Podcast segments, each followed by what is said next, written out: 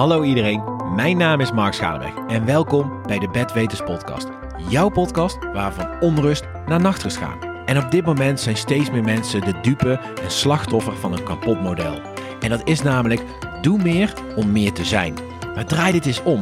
En het wordt tijd dat we ons eerst gaan concentreren op het meer zijn en dan het doen vanuit daar laten stromen. Laten we erkennen dat onze waarde inherent is en niet afhankelijk is van wat we doen. Maar het gaat er meer om van wie we zijn en wie we mogen zijn. En als je eenmaal prioriteit hebt gegeven aan het zijn, heb je de vrijheid en flexibiliteit om elk moment te ervaren terwijl het zich ontvouwt. En daarom ga ik vandaag in gesprek met Cesar Lopez.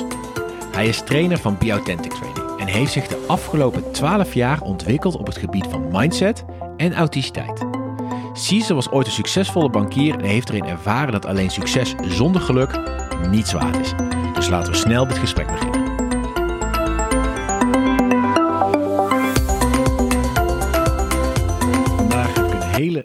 Hele bijzondere gast tijdens de podcast in een mooie Amsterdam. Het is uh, Cesar Lopez. Welkom. Dankjewel, superleuk om uh, hier te zijn en wat een mooie aankondiging. Ja, nou ja, de, de, grote aankondiging heb ik eigenlijk natuurlijk hiervoor al gedaan, maar die wordt later opgenomen. Dus afhankelijk hoe goed jij uh, je best doet in deze podcast. um, ja, ja, ik zeg al, de ene Cesar die ik ken is de hondenfluisteraar. Uh, maar ik ben afgelopen periode bij jou in training geweest. En ik denk dat jij wel de mensenfluisteraar bent van Nederland en omstreken. ook, ook een hele mooie compliment uiteindelijk. En, en dat, is, dat is wel het, het streven, zeg maar, om, uh, om dat neer te zetten. Omdat ik, ja, mijn achtergrond, ik kom heel erg uit de commerciële wereld, waarin heel erg, ja, weet je, resultaatgedreven, geldgedreven, status en macht gedreven. En waar ik op een gegeven moment voor mezelf achter kwam, is, ja, maar weet je, waar zit ik in dat stuk? En weer wat verder van, hé, hey, maar waar zit iedereen eigenlijk in dat stuk? En en daar wel heel erg gaan kijken van, hé, hey, maar hoe kan ik mensen gaan helpen om datgene wat ik ook heb meegemaakt of traject wat ik heb doorlopen, hoe kan ik ze daarbij helpen? Dus uh, als het uh, met fluisteren is, uh, heel graag. Nee, wie weet, misschien kan je dat, hoe heet dat, het MDMR doen, dus toch dat fluisteren voor het slapen gaan? ja, ik zit wat dat betreft op, op andere dingen, maar vooral heel erg belangrijk dat mensen hun eigen kracht gaan uh, identificeren en, en daarvan aan echt gewoon hun eigen dingen gaan doen.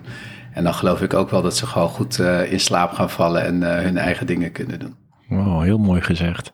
Nou ja, inderdaad, hè, ik, ik begrijp mensen met slaapproblemen. Hè, het nieuws wordt er dood mee gegooid. We zijn allemaal op zoek, in mijn ogen, naar een quick fix. we proberen van alles maar uit om maar beter te slapen. Maar mijn gedachte is, als je een slaapprobleem hebt, dan is er onder water, gaat er iets niet goed. Absoluut. En dat is de reden waarvoor ik heel graag met jou deze podcast wil opnemen. In mijn boek schrijf ik ook, hè, slaap jezelf naar geld, liefde en geluk. En ik denk dat we met deze thema's vandaag ook heel die podcast gaan vullen. Ik uh, ben er helemaal klaar voor. Dus uh, het, is, het is absoluut wat je zegt. Weet je, uh, de hele cultuur waarin we zitten, dat zit heel vaak op de bovenlaag eigenlijk. Dus de symptomen die, die naar boven komen. Terwijl ja, er is gewoon een veel belangrijkere onderstroom. En dat is wat lastiger te verklaren, wat lastiger vast te leggen eigenlijk. En op het moment dat we daar wel ingaan, ja, dan, dan zie je heel snel hele makkelijke oplossingen eigenlijk die, uh, die hele mooie resultaten leveren. Ja, want ik heb het gevoel dat de meeste mensen ook niet durven naar zichzelf te kijken. Dat we zo met die stroom aan het meegaan zijn. Hè, de, iedereen verwacht iets. Het is een snelle tijd. We willen elke minuut moet gevuld zijn. Um, ik zeg al, het woord druk komt overal tevoorschijn.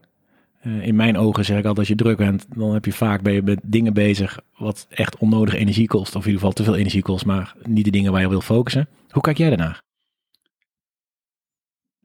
Om bij het druk te beginnen is uh, in mijn, ik zeg altijd mijn vorig leven als uh, bankier, was druk was een, was een soort van buswoord. Weet je, iedereen die op kantoor liep, die had het druk. En als je het niet druk had, dan zei je wel dat je het druk had. Want als je druk had, dan dacht iedereen van... wow, jij bent lekker goed bezig, jongen. Kom op en gaan en uh, wat ben je aan het doen? Ja, ik ben hartstikke druk, man. En, maar ook daarin bleef het dus heel erg aan de oppervlakte. Het ging nooit naar waar ben je dan druk mee? Vind je het leuk waar je druk mee bent? Of zou je dingen anders willen? Dat is iets wat, uh, waar we eigenlijk nooit aan toe uh, komen... En uh, weet je, die angst om, om de diepte in te gaan, dat is ook iets wat ik heel erg herken uh, als ik mensen spreek voor een training. Zijn er mensen die dat ook letterlijk zo zeggen? Ja, maar ik ben heel erg bang voor datgene wat ik ga tegenkomen. Dat ze, dat ze, dat ze uiteindelijk geen druk meer hebben. Nee, of uh, weet je, maar meer in, oké, het is een persoonlijke ontwikkelingstraining, dus ik moet naar mezelf gaan kijken. En dat ze bang zijn voor datgene wat ze misschien gaan vinden. En de vraag die ik ze dan altijd stel is, maar wie kent jou het beste? Ja. Dus zo, hoe, waar moet er iets vandaan komen wat jij nog niet al weet? Het kan zijn dat je het nog niet aangaat of dat je eromheen loopt, maar je weet eigenlijk wel wat er is. En dat creëert wel een bepaalde rust bij mensen. Denken, oké, weet je, het is geen woegie. Het is niet dat iemand iets uit me gaat trekken wat er niet is. Nee, ik ga echt aan de slag met mijn kern en wat ik wil. Ja, en die, die ken ik wel. Ja, maar ja, eigenlijk vanuit onze op, opvoeding is het nooit meegekregen. Hè? We moeten rekenen leren, taal. Uh, je moet opletten, want anders uh, word je later niet geen dokter of weet ik veel. Je, maar naar onszelf kijken, reflecteren op een basisschool.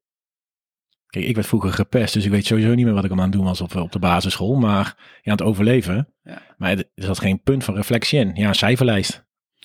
100% en uh, weet je, dat was vroeger zo, maar dat is op dit moment nog steeds uh, zo. Ik heb uh, twee dochters, zeven en negen.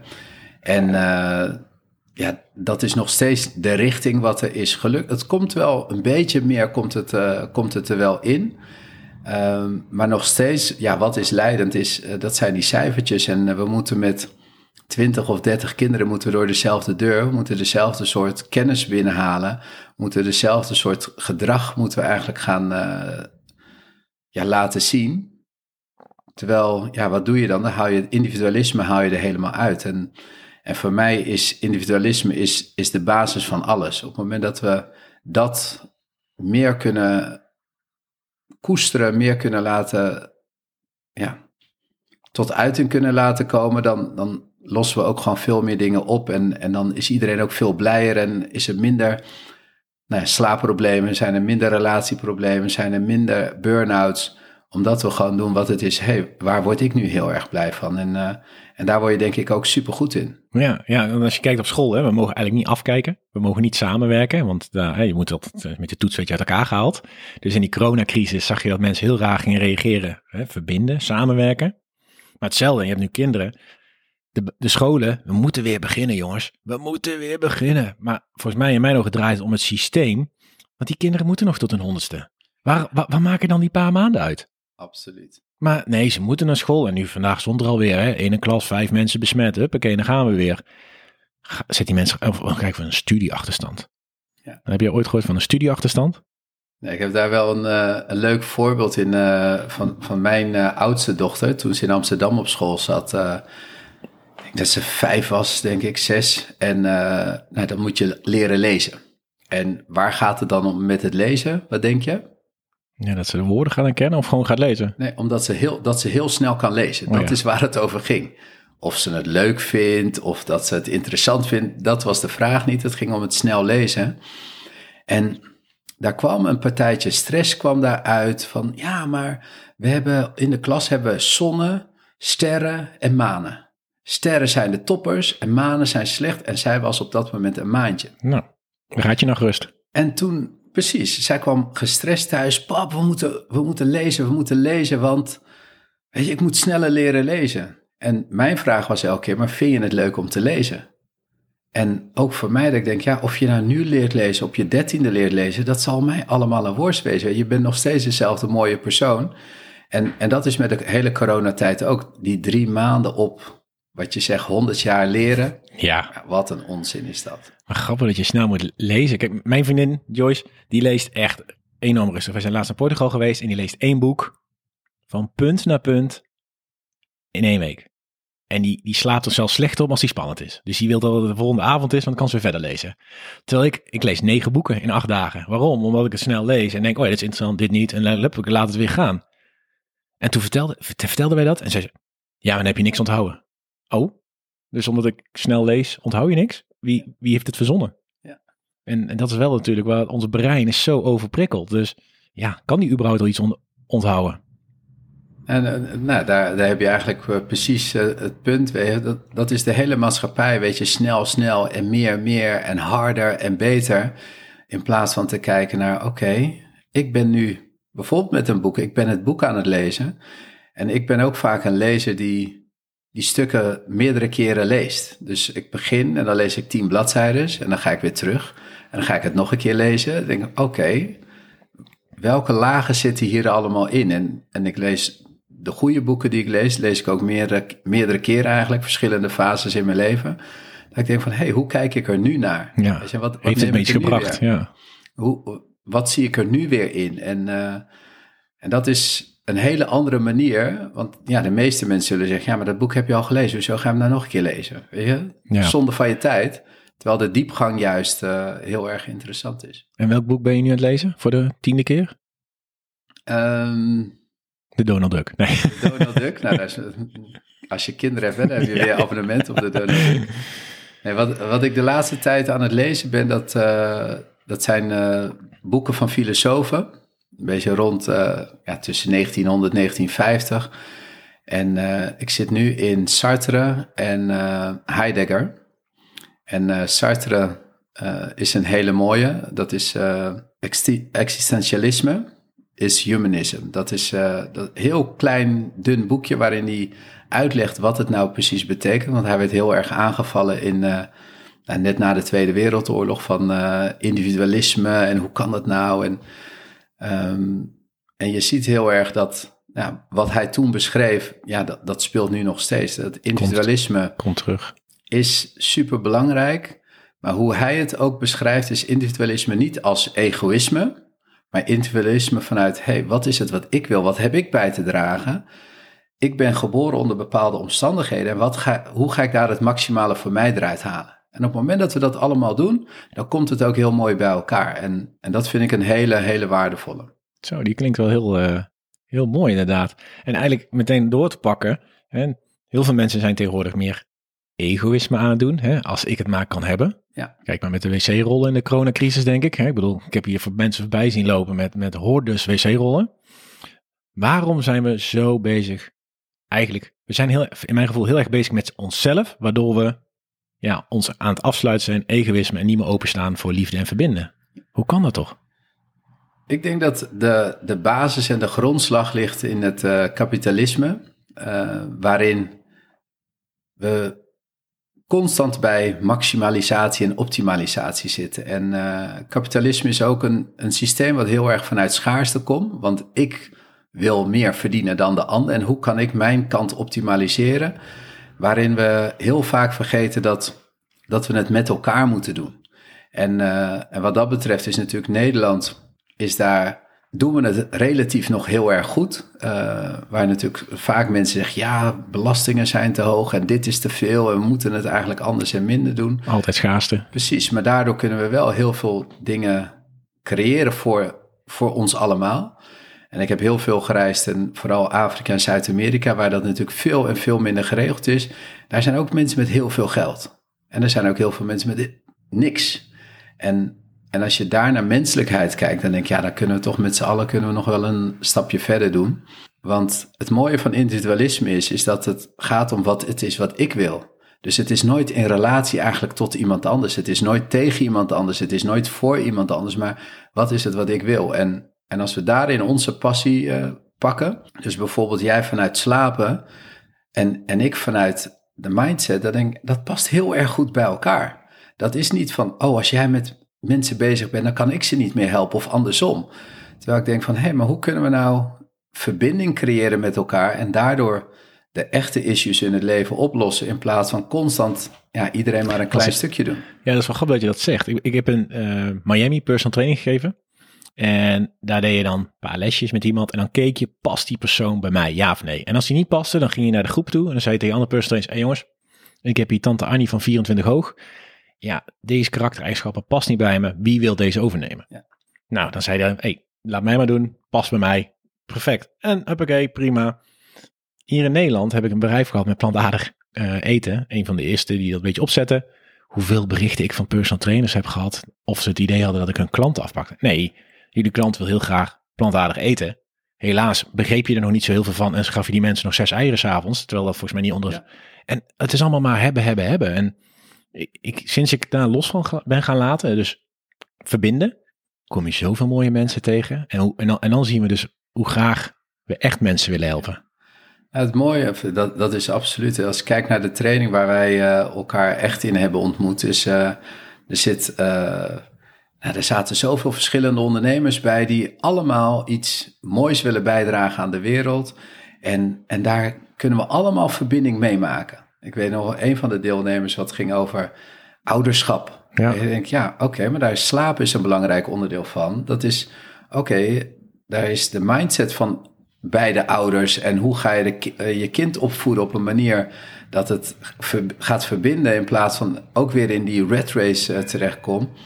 Maar daar kunnen we allemaal een steentje aan bijdragen. En eh, ik denk, een van mijn brainwaves eh, altijd is geweest, ik denk, ja, ik wil een soort multinational wil ik oprichten met allemaal mensen die iets moois doen. En dus wat je net zei van, oh, iemand komt binnen, waar moet hij dan naartoe?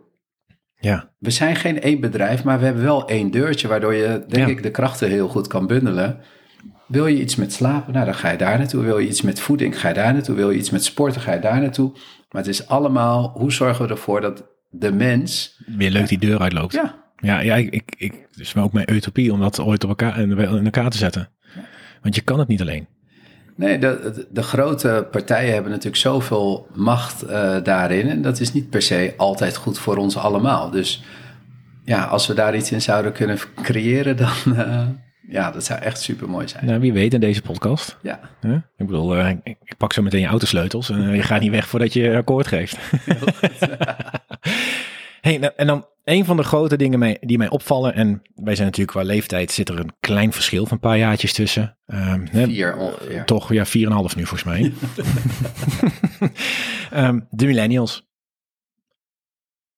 Het leven is ons voorgelogen.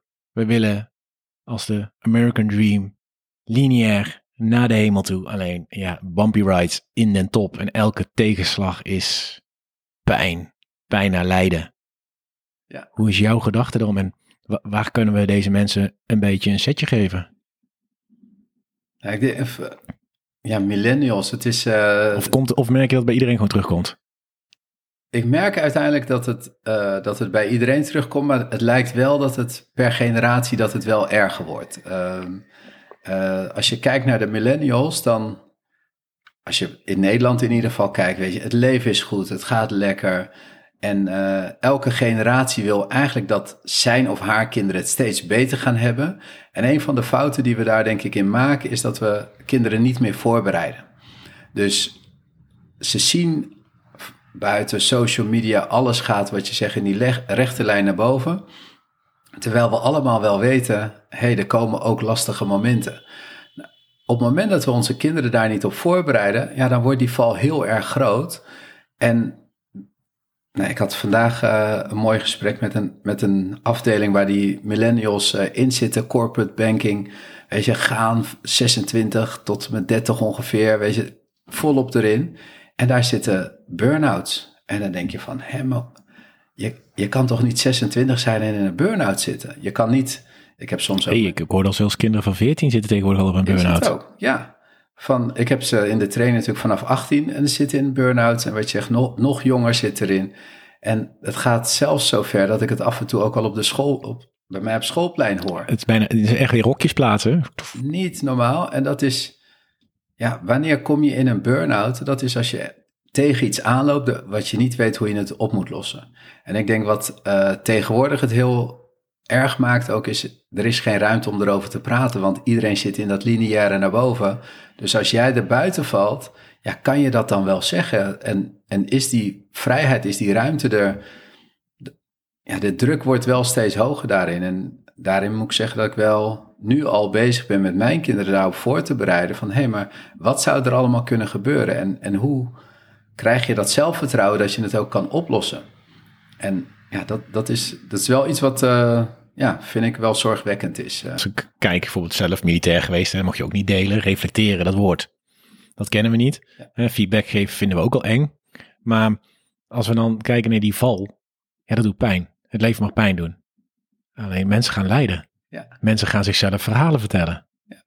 Nou, het, pijn doen is, weet je, je zegt ja, dat, dat hoort erbij en dat mag ook. Alleen in de, in de gedachten van de meeste mensen mag het niet.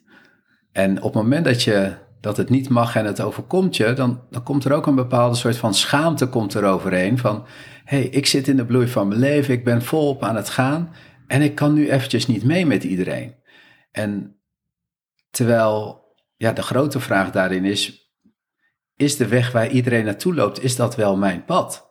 Ja. En, en als je daar naar durft te kijken, dus naar die diepere laag in plaats van ik moet aanhaken bij iedereen, ja, dan, dan kom je op, denk ik, hele mooie en hele bijzondere antwoorden.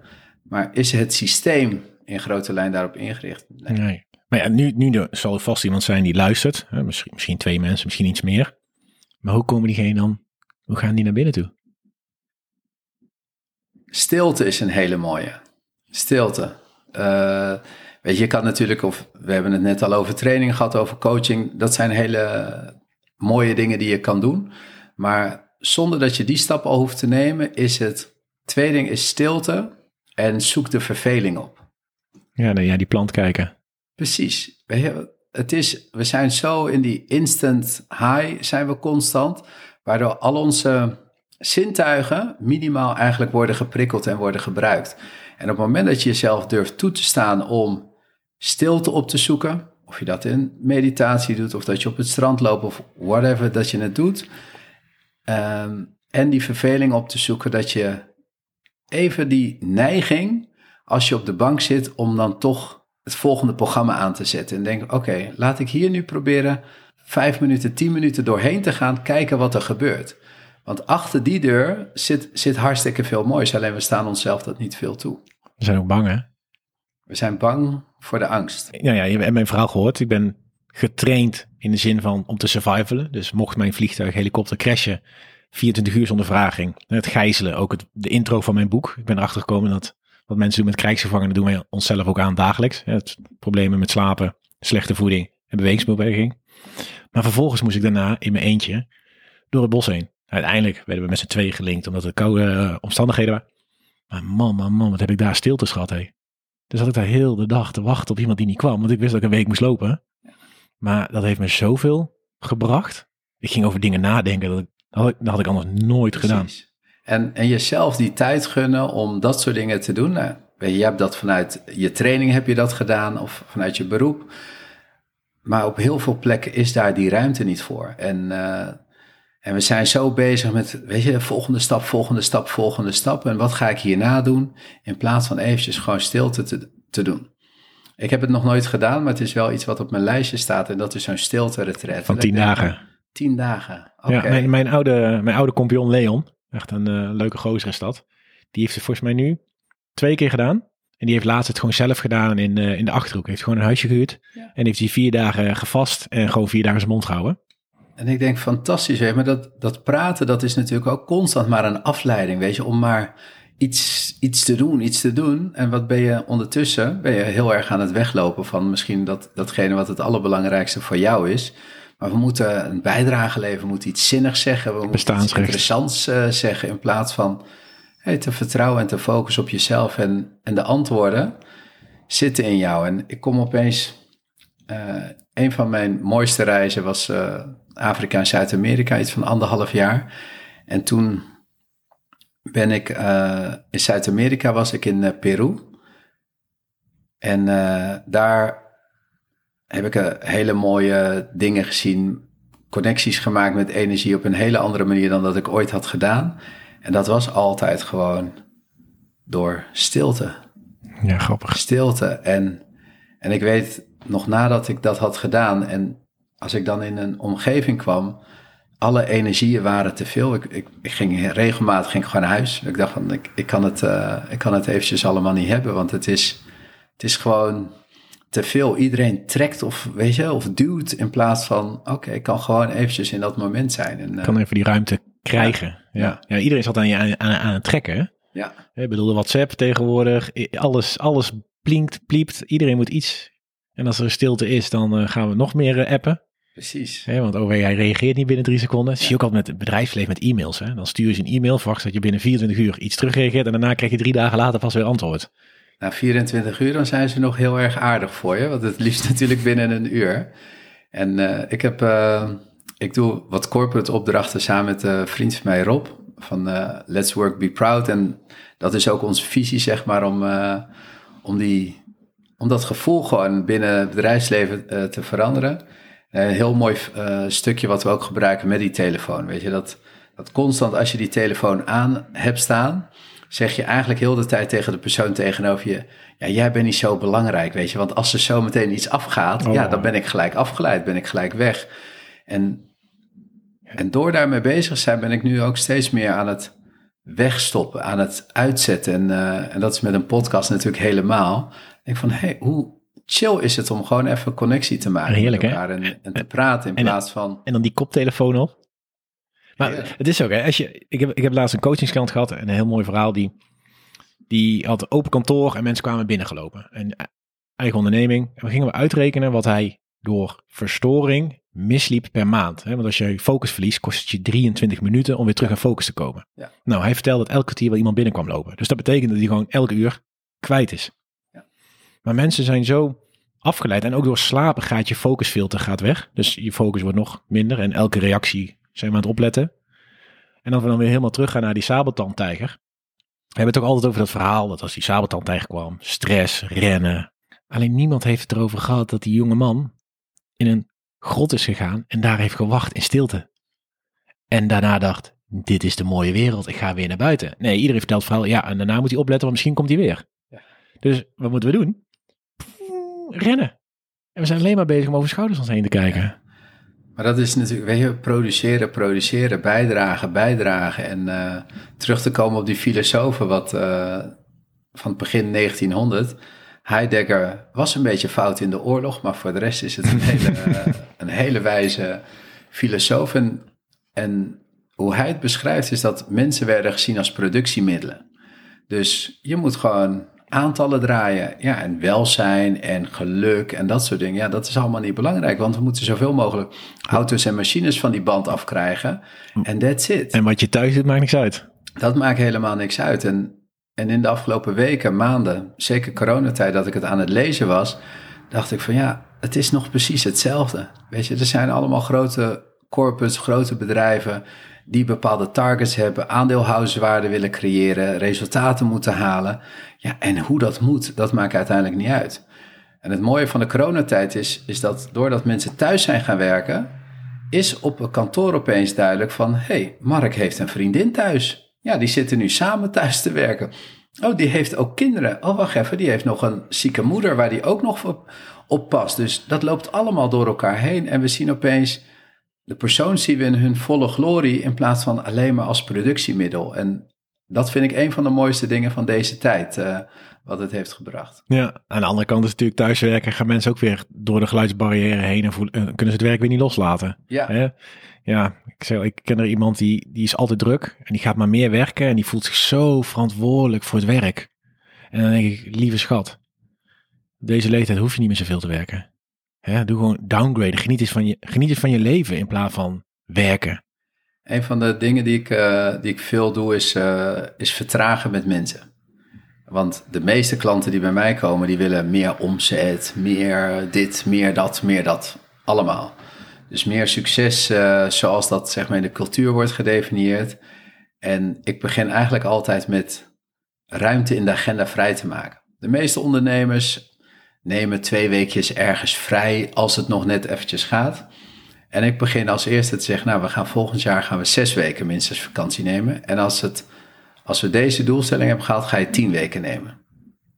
Maar dat kan helemaal niet, want dat haal ik nu nog ineens en ik werk nu al zo hard. Ik zeg, het gaat uiteindelijk niet om het hard werken. Het gaat erom, kan je jezelf op een dusdanige manier prikkelen, prikkelen vullen met energie, waardoor er gewoon veel meer uit je vingers komt. Want we zitten kon we zitten eigenlijk in die batterij, zitten we in die rode zone heel de tijd. En dan lijkt het alsof we hard aan het werken zijn. Terwijl als je gewoon weer terug naar groen gaat, nou, dan komt er gewoon veel meer uh, uit je vingers in mindere tijd. En dan hou je meer over. Ja, die heb ik wel over, overgehouden. Ik heb het tegen Joyce verteld dat we volgend jaar alle weken vakantie uh, gaan inplannen. Want ja, ik vertelde je net al, Joyce werkt in het ziekenhuis. Die is ingeroosterd tot een oud en nieuw. En uh, papa Mark zit thuis met de hond gewoon wortels geschieten en elke dag aan het werken. Zelfs het weekend, want ja, er zit een sleur in. Precies. Maar dat is ook natuurlijk een verhaal die we onszelf vertellen. Nou, Het verhaal natuurlijk wat daarachter zit, is dat eh, vakantie of tijd voor onszelf, dat is een bonus. Dat is een extraatje. Eh, terwijl, ja, in mijn ogen start je daarmee. Dus ik zet altijd als eerste vakanties in mijn agenda. En dan kijk ik nog hoeveel tijd er over is. En dan ga ik dat vullen met de dingen die ik leuk vind. En als er dan nog tijd overblijft, nou, zien we het dan wel. Maar als ik de tijd niet invul voor mij, ja, dan word je rooster ingevuld. Precies, dan gaan andere mensen, wat je zegt, de WhatsApp, de pling en de e-mail, dat gaat uh, je agenda vullen, Ja, terwijl maar dat kan je- de baas. Dan kan je natuurlijk ook al bij, in de week doen. Hè? Plan gewoon drie momenten in om eh, jezelf te vervelen. Dan je sportmomenten, zeg ik altijd. Ja. En dan eh, de rest gaat toch wel gevuld. En, en wat het allermooiste is, vind ik in die verveelmomenten, daar ben je zo creatief in, dat je een oplossing in vijf minuten vindt, waar je misschien anders drie dagen mee bezig was. En nu kan je een uur vervelen en in een paar minuten opeens, hop, heb je je brainwave. Waarom? Omdat het rustig is, omdat je overzicht hebt, omdat je helderheid hebt. Ja, en wij zeggen altijd, ja, zonde van je tijd. Maar in de oorlog was het natuurlijk chaotisch, stress, hè? Tweede Wereldoorlog. Maar daar kwamen ook heel veel goede ideeën uit. Hoe kwam dat dan? Mijn, mijn idee, nergens eh, op, eh, op gebaseerd, is dat het heel erg door de adrenaline komt. En dat heb je ook een beetje aan het begin van de coronatijd eh, gezien. Is dat we zitten, we zijn zo verschrikkelijk scherp omdat al onze zintuigen werken. Weet je, de, de dreiging is er en daardoor zijn we echt open. Eigenlijk onze zintuigen, ik denk op dat soort momenten gebruiken we net als dat kinderen het gebruiken. Want die, die pakken elke milliseconde pakken ze mee. En daardoor zie je de deta- details van de details. En nu lopen we een beetje als, het gaat lekker, we gaan De weer stoomtrein. volgend- 10% erbij volgend jaar, we gaan weer door, we gaan weer door. En aan het begin van de corona stond alles op zijn kop. En voor mijn gevoel was het 50% van de mensen had echt zoiets van, wow, wat gebeurt er hier? Afwachten. Eh, wat gaat de overheid doen? Wat gaat mijn bedrijf doen? Wat gaat mijn manager doen? En de andere helft, die was zoiets van, oké, hey, ik moet dus echt naar mezelf gaan kijken, want niemand gaat het voor mij oplossen. Ik moet nu wat gaan doen. En, en op het moment dat je je zintuigen zo open hebt en, en je staat echt open voor wat er op dat moment is, dan vinden we die oplossingen heel makkelijk. Alleen, ja, dat, dat gebeurt gelukkig eh, voor sommige beroepsgroepen, maar ook voor sommige beroepen, jammer genoeg dat Ja. het niet vaak genoeg gebeurt. En je vertelde iets, wel iets eh, mooi om een bruggetje te maken. Is, hè, die corona, er gebeurt iets, een volval. En je zegt het, hè, sommige mensen willen allemaal weer terug naar het oude leven. Hoe vaak we dat niet horen. Gaat het weer zoals vroeger worden? Festivals en eh, reizen. Nou ja, wij weten allebei dat deze volval nooit teruggedraaid gaat worden. Want ja, het Het verleden, is al geweest. het verleden is een illusie, toch? Ehm, hoe kunnen mensen, en dat deed je in de training natuurlijk, dus daarom probeer ik het natuurlijk eruit te trekken bij jou. Maar hoe kunnen mensen omgaan met die, die voorvallen? Die, die, hoe, hè, want, ja, leg, leg uit. Ik bedoel, kun jij ook wel beter vertellen dan ik, maar Ja, ik denk als ik hem eventjes als context voor, voor de luisteraars eh, in grote lijnen eh, is het als er een voorval gebeurt, je kan in, in de weerstand gaan, vechten tegen dat voorval en waarom gebeurt mij dit nou en dit heb ik niet gewild in mijn leven en hoe zou ik weer al die nou, zinnen die we allemaal doen. Of je kan gaan kijken van, hey, dit gebeurt er in mijn leven, wat is het wat ik nu ga doen? Dat is makkelijker gezegd dan gedaan. Wat een belangrijk eh, punt daarbij is, is hoeveel zelfvertrouwen heb je dat je het ook daadwerkelijk aan kan. Op het moment dat we geen zelfvertrouwen hebben in een bepaalde situatie, gaan we op zoek naar houvast. Gaan we naar, op zoek naar wetenschap. Gaan we op zoek naar leiders. Gaan we op zoek naar iets. influencers. Precies. Influ Want ja, vertellen jullie mij alsjeblieft wat het is wat ik nu moet gaan doen. En dat is dus ook in die crisis, nou, de helft die zit te kijken van, hé, maar ja, wat gaat Rutte en wat gaat de Jong zeggen? Want dan weet ik tenminste wat ik de komende week weer kan doen. En de andere helft zegt van, oké, er is nu coronatijd, dit is mijn nieuwe realiteit. Hoe het vroeger was, hoe het misschien over twee jaar gaat zijn, dat weet ik niet. Dus wat is het wat ik nu ga doen? En, eh, en daar zijn hartstikke mooie dingen zijn eruit gekomen. En ik heb toevallig vanochtend eh, met, eh, met een van de eigenaren van Ronde Tafel, eh, dat is een Oh ja, ja concept hier in eh, laatst ben ik, met Joyce, ben ik met Joyce heen geweest. Super. En zijn festivals gingen niet door. Ja, en wat gaat hij doen? Hij denkt, ja, maar wat kan er wel? En hij heeft nou, een concept neergezet waar die anders nooit op was gekomen. Bedoelt in de Westergas? In de Westergas. Ja, daar ben ik geweest met Joyce het jaar. Want het ging alles ging hartstikke lekker, het bedrijf ging goed. Alleen, er kwam opeens een creatieve uitdaging. En dat hebben, ze zijn met z'n tweeën, Ivar en Sebastian, hebben dat zo verschrikkelijk mooi ingevuld. Heel snel die connectie gemaakt, heel snel gaan schakelen. En een concept waar je normaal gesproken misschien een half jaar over doet, ja, dat hebben ze gewoon in, in een paar weken hebben ze dat neergezet. Wil je wel zeggen dat ze de volgende keer die wijn wat goedkoper doen? Ik zal een flesje voor je regelen. Jee, nee. Zat wel met z'n tweeën aan een hele grote tafel en die ambiance was super mooi. Ja. Nee, ik vond het echt, eh, ja, ik vond het echt mooi. Wat hun, hun idee was, is van hey, mensen willen die, dus die verbinding maken, die willen bij elkaar zijn, maar hoe kan het dan wel? Ja, als het op anderhalve meter moet, dan moet het op anderhalve meter.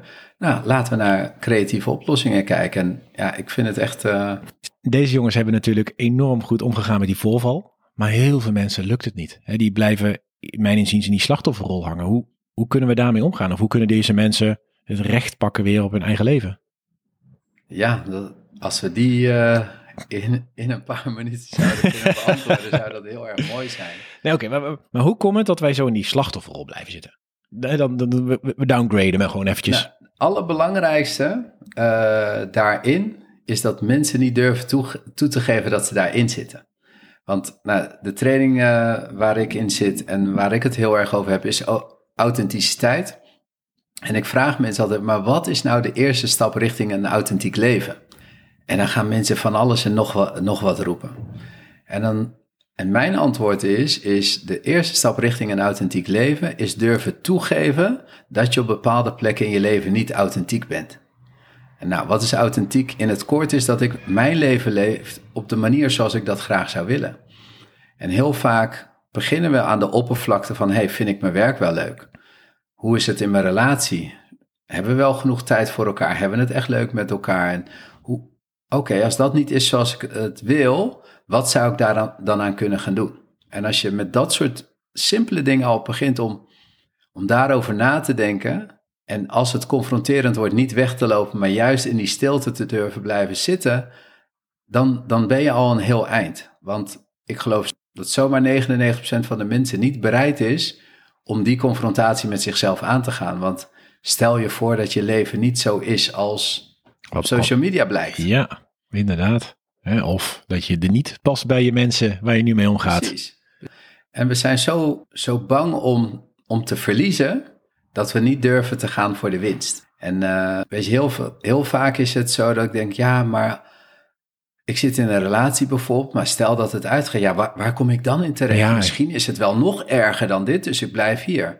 hey, de baan waar ik zit, ja, het is het niet helemaal.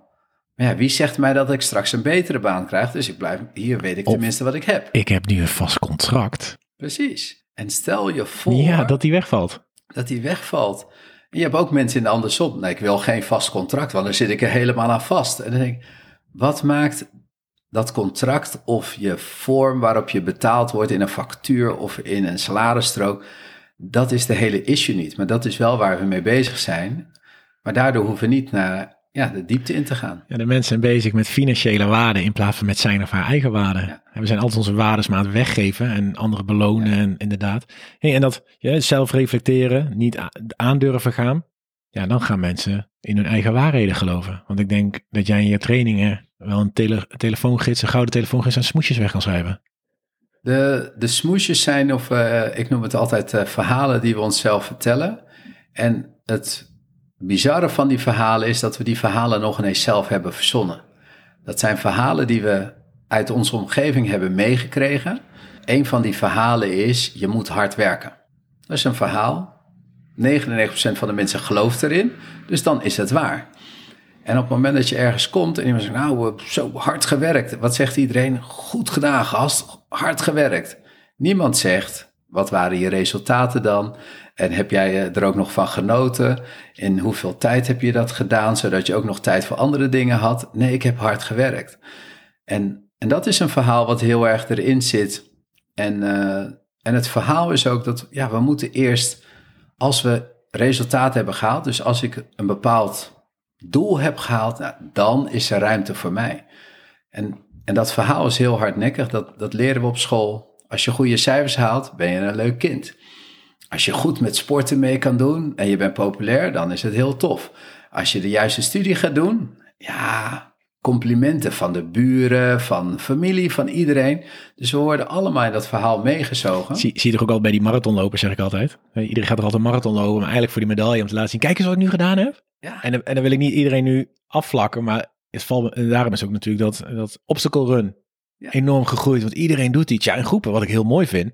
Maar voor de meesten doen het om, kijk eens, Precies. ik heb iets gedaan. De waarde die eronder zit en die je ook met, als team kan ervaren, is fenomenaal. Maar als daar ja, de aandacht niet voor is, dan, dan is dat zonde van de tijd. En mijn compagnon is van het hardlopen. Oh jee, En dus die krijg ik zo meteen Niet op mijn alleen dak. maar hardlopen, maar verlopen vooral. Dus Ultra. ultralopen. En zijn vriendin eh, eh, Iris is nou, echt waanzinnig. Idioot noem ik er altijd. In een gesprek met haar kwam ik erachter dat ik ook nog steeds eraan hing van... ik moet ook een keer een marathon lopen Ja, om maar dat grappig, af te vinken... Grappig en om dat, iedereen ja. te laten Ja. zien dat ik dat kan. En zij liet me heel erg zien dat het allerbelangrijkste wat zij erin heeft... is dat ze het leuk vindt. En daar vandaan is ze een kilometer gaan lopen. En toen 10 en toen 20 en toen 100 en toen 200. En weet je, ga maar door... En zij geniet enorm van de race, ze geniet enorm van het trainen, van de stiltes die op dat moment zijn. Even je gedachten kunnen verzetten. Dus het is meer een middel dan dat het een doel is. Voor mij was het altijd, ja, maar die heeft het gedaan en die heeft het gedaan en die ook. Ja, ik moet dat ook gaan doen. En in dat gesprek heb ik besloten, Ik hoef het niet te doen. ik ga het niet doen, want ik vind het helemaal niet leuk. Ik vind rennen echt niet leuk.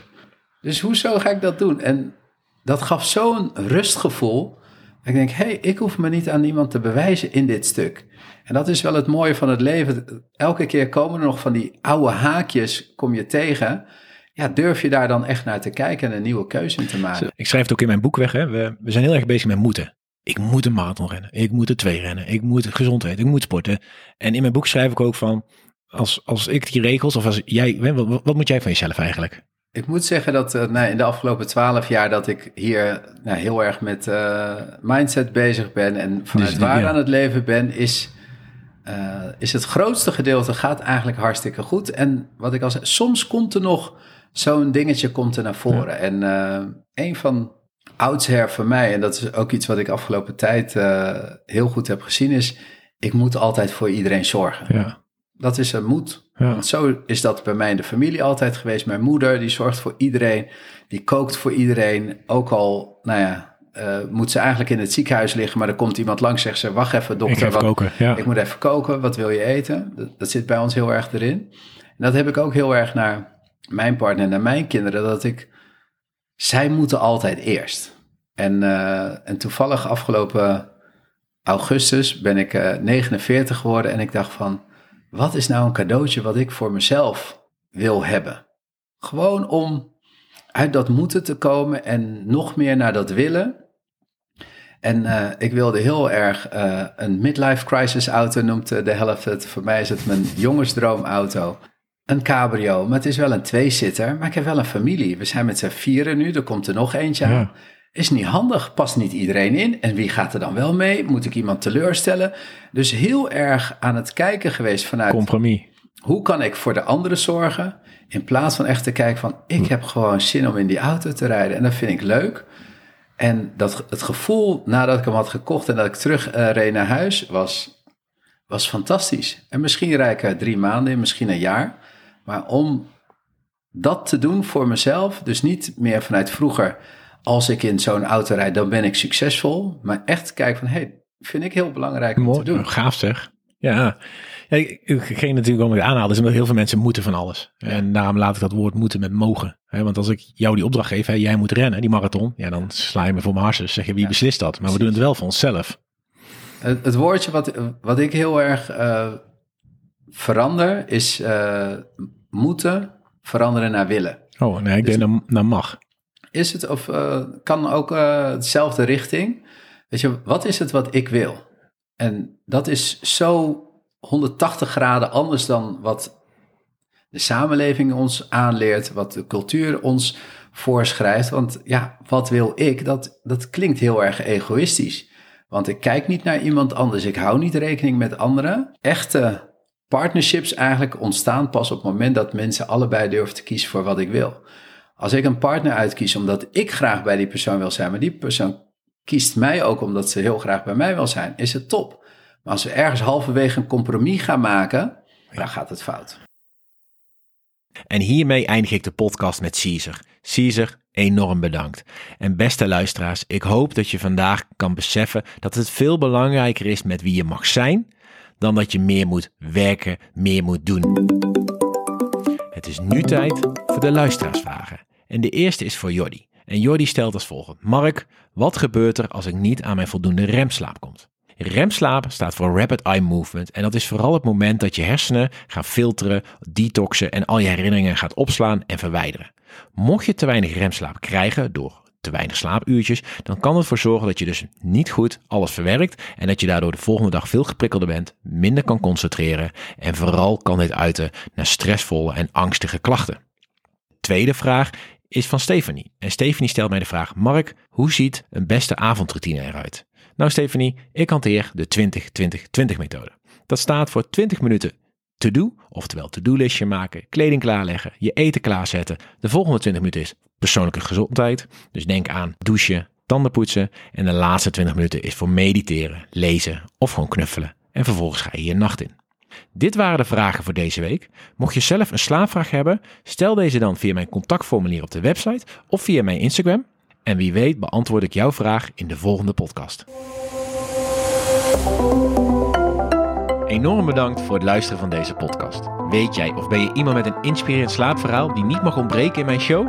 Neem dan contact op met mij via mijn website, marschalenberg.com.